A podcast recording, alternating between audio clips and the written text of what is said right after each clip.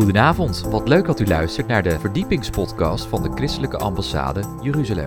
Mijn naam is Joshua Beukers en samen met Jacob Keegstra zoeken wij weer een onderwerp uit hoe de Hebreeuwse wortels een verdieping kunnen geven aan ons christelijk geloof. 92 gaan wij verder met het vijfde deel van de serie De Heilige Geest. Wij wensen u veel luisterplezier. Nou, als eerste hebben we gehad de belofte ja, van de Heilige Geest. De belofte van de geest, die wezen als God een handreiking doet. Dat is, dat is een hele hand geeft, maar met wel vijf onderdelen. De vijf eh, beloften van de geest, dat de geest bij ons en in ons zal zijn. Hij zal ons doen herinneren wat Jezus gezegd heeft. Hij zal getuigen van Jezus, zal de wereld overgetuigen van zonde, gerechtigheid en oordeel. En zal ons leiden in de volle waarheid. Ja. Nou, dat is de hele handreiking van God, de belofte van de geest. Ja. En als tweede hebben we gehad de persoon van de Heilige Geest. Ja. 1 Johannes 5 vers 7 zegt, want drie zijn er die getuigen in de hemel. De Vader, het Woord, Jezus. En in openbaring 19 lezen we ook dat er staat dat de naam van Jezus betekent het Woord Gods. Ja. En de Heilige Geest. Ja. En deze drie zijn één, staat er dan ook. Klopt. En de drie getuigen op de aarde, die zijn tot één. En de geest gaat dus uit van de vader en de zoon. Die is volledig ook een persoon, net als de vader en de zoon. En die is ook ehm, dat hij door ehm, eh, de diepten van God onderzoekt en ons bekend maakt. Hij geeft ons ook kracht, de kracht van de Heilige Ja. Geest. Geeft ons bijstand en wil ook ons persoonlijk leiden. Ja. Vandaar dat we de leiding van de geest. Ja. Maar de geest kunnen we helaas ook bedroeven. Ja. Hè, daar hebben we toen ook over gehad. Ja. En daarom worden we iedere keer weer opgewekt om vervuld te worden met de Heilige Geest. Dat we ook door de geest het spoor houden. Ja. En eh, over die vervulling van de Heilige Geest. Ja. Hè, dat was de derde aflevering, Handelingen 2 vers 4. Is- werden vervuld met de Geest. Eigenlijk is dat natuurlijk de centrale boodschap. Hè? Want eh, we kunnen alleen maar ehm, ja, leven als christen als we ook werkelijk dagelijks vervuld zijn door de geest. Ja. Want eh, Jezus, daarvan zegt Johannes de Doper al, dat Jezus zal dopen met de Heilige Geest en met vuur. Ja. En dan in Hengel- Handelingen 1 vers 8 staat dat Jezus zegt, wacht op de geest, want dan krijg je de kracht van de Heilige Geest. Want die Ja. heb je nodig. Ja. En vervolgens, Efeze 1 vers 13 staat, dat we ook door de geest verzegeld zijn Ja. zodat we dus ook een zekerheid hebben dat we met de geest vervuld zijn. En de eh, uitdaging om dagelijks vervuld te worden met de geest. Ja. Nou, dat is. eh, iedere keer hebben we dat zo nodig, die vervulling met de geest, dat we de kracht van God, de leiding van God en de dagelijkse zekerheid hebben dat God ons door zijn geest leiden. Ja, prachtig. Nou. En dan, dan hebben we nog de gaven van de geest. Ja. Dat was de vierde aflevering. Zowel voor jezelf, wat in 1 Corinthië 12 staat, dat God ons genadegaven geeft door de geest, eh, bedieningen door de Heer en werking door God. En Ja. het is allemaal dezelfde God. Ja. En die geeft al die gaven voor ons persoonlijk, maar in ehm, Romeinen 12 staat ook de genadegaven die een onderdeel zijn om als christen, als gelovigen, ons ook te voegen in het lichaam. Ja. De, de kudde, de, het huis van God. En als een bruid van God en als een koninkrijk van God. Dus dat we ook onze plaats innemen, zowel om te dienen, maar soms ook om leiding te geven en eh, ja, eh, barmhartigheid te betonen. Dus dat zijn al die gaven die ook voor ons zijn om te dienen en onze plek in de gemeente in te nemen. Ja. Dus Ja. dat is meer ook de, ehm, ja, niet alleen de belofte, maar vervolgens ook de gaven van de geest. Ja. En door de gaven van de geest, daar komen we vandaag op, wat het dan uitwerkt in ons leven, die vrucht van de geest. Ja. Nou, als ik aan de vrucht van de geest denk, hè, dan Ja. denk ik aan Galaten 5, vers Ja. 22. Ja. Zullen we die eerst maar lezen? Ja, zullen we dat lezen? Want eh, over Gods woord spreken is mooi, maar we kunnen beter vanuit Gods woord spreken. Amen. ja. Galaten 5, vers 22, daar staat... Maar de vrucht van de geest is liefde, blijdschap, vrede, langmoedigheid, vriendelijkheid, goedheid, trouw, zachtmoedigheid en zelfbeheersing. En het is dus heel duidelijk één vrucht. Ja, één vrucht, maar met negen verschillende onderdelen. Ja, en daar kun je ook nog wel weer een hele mooie indeling in zien. Dat het uiteindelijk drie keer drie is. Ja. Zowel drie die van God komen, drie die in de relatie met de naaste centraal staan en drie specifiek voor onszelf. Laat me kort uitleggen. Het begint met liefde. Alles in de Bijbel, God is liefde. Dus Ja. omdat God ons lief heeft, daardoor kunnen wij ook die vrucht van liefde door de geest ja, in ons leven zien. Maar dat betekent niet dat wij altijd als eerste de liefde hebben. Nee, God is liefde. En God heeft ons uitgekozen. Ja. Als lief heeft God de wereld gehad. Dat hij ook ons op het oog heeft gehad. Dus het begint natuurlijk altijd bij God. En door liefde is ook die vreugde, die blijdschap. Die komt natuurlijk nooit van ons. Want in de wereld is er alleen maar ja, eh, kortstondige vreugde. Je kunt natuurlijk wel een feestje bouwen. Maar die echte vrede en vreugde die komt van God. En door liefde en blijdschap komt ook de vrede in ons uit. Die een vrede, zegt Jezus, die alle verstand te boven gaat. Dus die komt door Gods geest vanuit de troon van de Vader. Dus liefde, blijdschap en vrede zijn heel duidelijke elementen, aspecten van die vrucht van de geest die heel duidelijk door God aan ons gegeven worden. En ook de relatie naar God toe en vanuit God herstellen. En als ik naar die, eh, die, die volgende vruchten kijk, eh, bijvoorbeeld langmoedigheid, vriendelijkheid, goedheid, trouw, zien we dan eigenlijk ook het karakter van God? Eh, ja, die natuurlijk door Gods geest in ons leven uitwerking moet hebben. Kijk, ik vergelijk het wel eens. Ehm, ik heb weinig verstand van, van bomen. En ik zie het verschil niet tussen een appelboom en een perenboom. Zeker niet in de winterperiode. Dan zie ik het verschil niet. Maar aan de vrucht kan ik wel het verschil zien. Ja. Dus juist ook door als de geest in ons leven actief wordt en door ons heen gaat werken, zijn gaven gaan werken, dan komt die vrucht zichtbaar, die wordt openbaar. Ja. En dan kun je zien, leven we door de geest of leven we nog helemaal uit het vlees. Ja. Vandaar dat natuurlijk straks ook in de aansluiting op deze tekst ook gezegd wordt dat we niet door de, eh, de werken van het eh, vlees moeten hebben, maar ons blijven uitsteken om te leven door de geest. Ja, vers 25 is dat. Ja. Ja. Maar dat betekent ook om die eh, negen aspecten nog verder te veel uit te leggen. Die drie in relatie met de ander is geduld. Nou, hoe vaak wordt je wel niet op je geduld beproefd? Want ja, geduld is één van de dingen om het aangenaam te maken in relatie met de ander. Ja. Dus geduld, vriendelijkheid en Goedheid. goedheid. Nou, dat zijn allemaal aspecten, vrucht van de geest, die wij niet zelf zomaar hebben, ja. maar dat de Heilige Geest ons wil scherpen en, en ons ook wil kneden en vormen naar het beeld van Jezus, die ook vol goedheid en vriendelijkheid en eh, geduld was. Maar Jezus had ook Ja. geduld met de mensen. Ja, want eigenlijk als je naar deze negen vruchten kijkt, naar deze negen onderdelen, eh, of één vrucht maar met negen onderdelen, dan, dan, dan zie je eigenlijk God. Ja. En, en de Bijbel zegt ook, eh, Lucas zegt dat, eh, dat de geest, de Heilige Geest, is de geest van Jezus. Klopt. Ja. En die laatste drie, die begint dan met trouw, zachtmoedigheid, zelfbeheersing.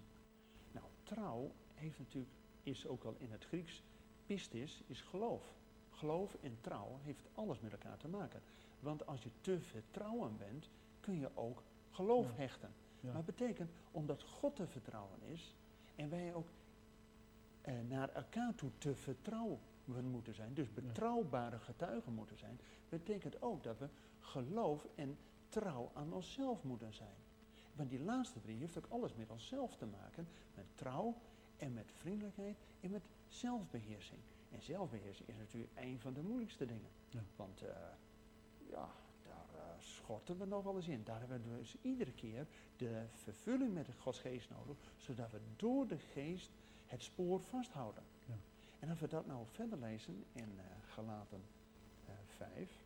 En er zijn natuurlijk, ik dacht even aan niets, er zijn natuurlijk hulpmiddelen hè, die, die, die de Bijbel ook geeft, door bijvoorbeeld meer discipline, meer zelfbeheersing op te bouwen, onder Ja. andere door te vasten. Ja. Dat Ja. is een geweldig principe, een Bijbels principe, een van de vier basisprincipes Ja. van het geloof. is vasten en gebed. Ja. Daardoor kan ook de werking van de geest volledig in ons leven uitwerking krijgen. Inderdaad, ja. Ja. Verder lezen, zei je? Ja, ja, en eh Galaten 5, want dat is natuurlijk die centrale opdracht. Als we die vrucht van de geest in ons leven hebben, wat doen we daar dan mee? Wat werkt dat dan uit? Ja. Zou je die tekst willen lezen? En welk vers is dat? Vers 25. Vers 25. Indien wij door de geest leven, laten wij ook door de geest het spoor houden. En zullen we die paralleltekst ook lezen, die in Romeinen 8 staat? Romeinen 8, vers eh, 14 tot en met 17. Ja, daar staat. Want allen, door de geest, want allen die door de geest Gods geleid worden, zijn zonen Gods. Want gij hebt niet ontvangen een geest van slavernij om opnieuw te vrezen, maar gij hebt ontvangen de geest van het zoonschap, welke wij doorroepen, door welke wij roepen Abba Vader. Die geest getuigt met onze geest dat wij kinderen God zijn. Zijn wij nu kinderen, dan zijn wij ook erfgenamen. Erfgenamen van God en mede-erfgenamen van Christus. Immers, indien wij delen in zijn lijden, is dat om ook te delen in zijn verheerlijking. Ja, want het precies dezelfde tekst dat uh, waar je mee begon. Dat we door de geest geleid mogen worden in ons leven. Maar dat we ook zeker weten dat we die eenheid met de Vader hebben. want de Heilige Geest is door de Vader en door Jezus uitgestort. Dus als we de geest hebben, etaleren we, weerspiegelen we ook het karakter van God. Ja. En hier staat, als we door de geest geleid worden, weten we dat we zonen God zijn. Dus we zijn geen slaven of zo meer, maar we zijn zonen. Dus dat betekent dat we ook mede-erfgenamen zijn. Ja, Mede-heiligen van God.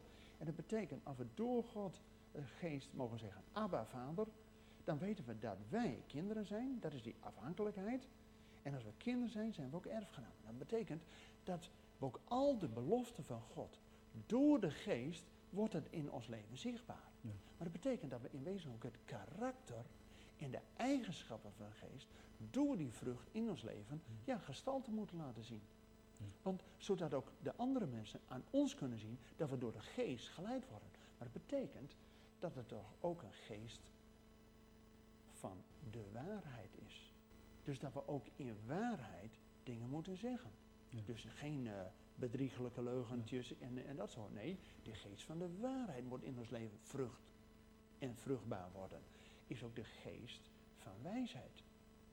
En is ook de geest van Jezus die zegt, Abba Vader. Dat we dus één zijn met de Vader. En het is ook de geest die ons uiteindelijk door het lijden heen tot heerlijkheid brengt. En daar staan christen vaak wel eens met koud watervrees van. We willen vaak wel de, de vrucht en de, en de zegen en de mede-erfgenamen met Christus zijn. Maar we willen niet dat we met hem eerst door dat lijden heen gaan in die heerlijkheid. Ja, maar je moet er wel wat voor doen. Nou, dat de geest door ons heen ons ook leert om door het lijden de overwinning vast te houden. Ja. Dat we altijd uitzicht hebben dat uiteindelijk de heerlijkheid van God, zoals Jezus ook door Pasen en uh, door uh, het sterven in de opstanding bij de heerlijkheid en gekroond is met de heerlijkheid van God. En dat ook door de geest de Shekinah, de heerlijkheid van God, ook in ons leven helemaal zichtbaar wordt. Zodat in wezen die geuren van Christus ook ja, in wezen te, te, te, te proeven, te ruiken, te smaken is voor alle anderen. Zodat ze weten van, oh, dat is vast een kind van God. Maar er is natuurlijk een duivel. Ja. Hè, die gekomen is om te stelen, te slachten en te verdelgen. Johannes 10 vers 10. Ja, klopt. En uh, ja, dus er is ook veel strijd. Hè. We moeten steeds maar weer keuzes maken. Hè, die gebaseerd zijn op het woord van God. Die gebaseerd zijn op onze relatie met Jezus. En met de Heilige Geest wat Hij ons te binnen brengt. En daarom is het zo mooi dat de Heilige Geest onuitputtelijk voor de heiligen pleit. Ja. Dus als de geest in ons werkt en dat, dat we door de geest het leven, dan weten we ook dat die geest in ons en voor ons bij de Vader pleit. Dus we hoeven maar een half woord te, te bidden, dan weten we dat door de geest het bij Jezus is en die het volmaakte gebed bij de troon van de Vader brengt. Dan zie je gewoon die eenheid weer van Vader, Zoon en Geest in de hemel, dat die ook de eenheid op deze aarde is van het water, de geest en het bloed. Zodat we één zijn met al die beloften, dat we door het lijden in die heerlijkheid moeten zijn. Nou, en we gaan ervoor. Ik bedoel, want Gods geest leidt ons in de volle waarheid. En hij wil ons die toekomst verkondigen. Dus de mensen in de wereld hebben geen hoop. Daarom is de wereld met rijkhalzend verlangen zien uit naar het openbaar worden van de zonen Gods. Nou, als we kinderen van God zijn, dat wij erfgenamen zijn, dat we deel hebben aan die belofte van God, dan weten, yes, de toekomst is aan ons. Het kan nu af en toe wat moeilijk zijn, maar Hij die in ons is, is machtiger dan die in de wereld is. Amen. Amen. Nou ja, daar gaan we voor. En, en als iemand nou bijvoorbeeld geen zelfbeheersing heeft of geen geduld, en hij weet dat van zichzelf, wat moet hij doen? Gewoon bidden. Want indien jij tekort schiet in wijsheid, hij bidde God erom en het zal hem gegeven worden. Ja. En als God ons, hè, net als een vader, als de zoon hem iets vraagt, dan zal hij hem geen steen geven. Maar zo zal God ons de Heilige Geest geven voor degene die hem daarom bidden. Nou, door vasten en gebed zijn er wonderen mogelijk. Maar is dat dan iets uh, wat je wel in geloof moet ontvangen? Want ik kan me voorstellen dat er mensen thuis kijken op dit moment. En die zeggen van ja, ik bid zo vaak. Maar steeds verlies ik weer, weer mijn geduld. Wie tot God komt, moet geloven dat hij bestaat. Ja, en een En beloner is voor wie hem ernstig zoekt. Ja. Dus, En alleen door de Heilige Geest kunnen wij zeggen, Jezus, Jezus is Heer. Heer. Ja. Dus als je met je volle verstand en met je hele hart kunt zeggen, met je hart en met je mond, en met je hart geloof je en met je mond beleid je dat Jezus Heer is, dan weet je een kind van God bent. Ja. En dan mag je God bidden dat Hij zijn geest in jou, ja, deelt. Zodat je één met de Vader mag worden. Ja. Nou, en dan wordt het een proces dat er steeds verder gaat. Oftewel, die oproep uit eh Efeze 3, dat we dagelijks vervuld worden met Heilige Geest. Ja. Die hebben we zo nodig. Want die eh, vervulling, die, die kan best eenmalig heel, heel krachtig zijn, maar die heb je dagelijks nodig. Zodat we dagelijks ook die verdere proces van heiliging en verreniging en vervolmaking. Want ja, dat duurt gewoon een leven lang. Ja. Om uiteindelijk te komen tot het beeld van de gelijkvormigheid van Jezus. Eigenlijk duurt dat ja, totdat Jezus Ja. komt of totdat we Ja. sterven. Maar we hebben wel de zekerheid door de Heilige Geest dat we met de Heilige Geest verzegeld zijn en een eeuwig onderpand hebben. Dus het is niet maar een beetje lopen van, och, misschien mag het staan te gebeuren. Je hebt nu de zekerheid dat je een kind van God bent. En dat je door de Geest ook de wijsheid weet en hebt om de juiste beslissing te maken. Nou, dan is de beloning ook wat voor ons ligt. Paulus zegt ook, ik heb mijn loop gedaan, de strijd gestreden en thans ligt voor mij de krans der heerlijkheid. Ja. Nou, daar gaan we voor. Mooi. Ja. En eh, Jezus zegt, hè, ik zend je de trooster. Ja. Hè, de Heilige Geest is ook een trooster. Ja. Eh, en die zal je alles te binnen brengen wat ik gezegd heb. Nou spreek ik net als jij veel door het hele land. En eh, altijd krijg je weer de vraag, ja, hoe doe ik dat? De stem van God verstaan. Hè, hoe, hoe weet ik nou dat het de Heilige Geest is die tot me spreekt? Heb je daar een kort antwoord op? Ja. Eh, de Heilige Geest zal altijd in verlengde spreken van wat de Bijbel zegt. Juist wanneer je een, een, een Bijbelgedeelte leest en je bidt van tevoren God om jouw situatie, in jouw situatie om helderheid. Je leest in geheid dat op een gegeven moment de Heilige Geest je bepaalt bij een bepaald vers. Ja. En dat dat gewoon, ja, klikt. Ja. En dan moet je het niet alleen dat de Bijbeltekst klikt, maar je moet het ook met de situatie afstemmen. Is het ook de timing? Dus het is altijd dat Gods geest, Gods woord en de situatie in het verlengde moeten zitten. Dan pas heb je de zekerheid dat je die volgende stap moet doen. En als de Heilige Geest spreekt, dan is het altijd in overeenstemming met, Met het woord, woord. en met Ja. zijn wil natuurlijk. Ja. Ja. ja. En eh, ja, de Heilige Geest die, die, die getuigt tegen onze geest, hè, dat hebben we Ja. ook gelezen. Ja. En, eh, en spreekt ook tegen ons geweten. Ja. Hè, dus, dus, dus als wij eh, iets, iets merken, dus wij doen iets wat we niet zouden moeten doen en we voelen ons daar niet prettig bij, hè, dan Ja. is het ook de Heilige Geest die tegen ons spreekt. Ja. En die dingen, daar moeten we gevoelig voor zijn hè, en ons ook op die manier laten leiden. Ja, want de tegenstander die overroelt vaak met een enorm lawaai. Maar de Heilige Geest is een gentleman.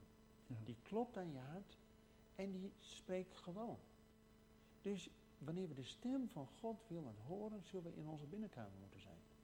En dat we ons van al die situaties even afsluiten, zodat we werkelijk ons concentreren op het woord, dat God ook kan spreken door zijn woord. Zodat we dan, wanneer die situatie zich voordoet, dat we dan ook weten wat God gezegd heeft.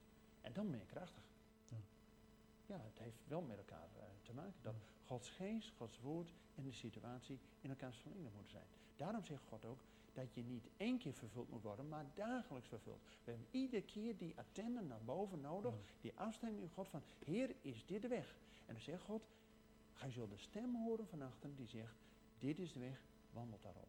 Ja. En we weten ook dat het, het woord zegt, hij zal aangaande jou zijn engelen gebieden, zodat je voet niet aan de steen zal stoten. Ja. Zegt hij eerst van Jezus, maar als we in het verlengde van Jezus door de geest geleid worden, mogen ook die belofte, wat alles wat Jezus gezegd heeft, mag ook ons deel worden. Mogen we ons ja, toe-eigenen door het woord van God. Ja. Nou, dan weten we dat God ons ook wil beschermen. En uiteindelijk, hè, dan eh, is het de bedoeling dat we door de geest leven. Ja. Hè, we hebben dat al even aangehaald. Nou, volgende week gaan we daar eh, uitgebreid eh, over praten met elkaar. Ja. Maar kun je al kort iets vertellen over eh, wat dat een beetje inhoudt? Leven Nou. door de geest. Nou, in wezen Genesis 1 zegt al, wanneer de geest over het water komt, dan gaat het licht schijnen. Wanneer de geest over onze situatie in ons leven komt, dan gaat het licht van God in ons leven stralen. Nou, daar willen we het over hebben. En da daartoe moet je natuurlijk weten wat de Heilige Geest is. Dan moet je weten dat je vervuld bent met de Geest. Dat je ook de gaven van de Geest je naar uit mag strekken. Dat de Geest door je heel leven heen tot vrucht mag worden. En dat je dagelijks ook in die vervulling van de Geest ook mag blijven leven. Nou, dan, dan gaat je leven in die zin op dat spoor van de Geest verder. En dan is het leven van de Geest dat het licht van God ons omstraalt. Want het licht, zoals het woord van God, is een lamp voor onze voet en een licht op ons pad.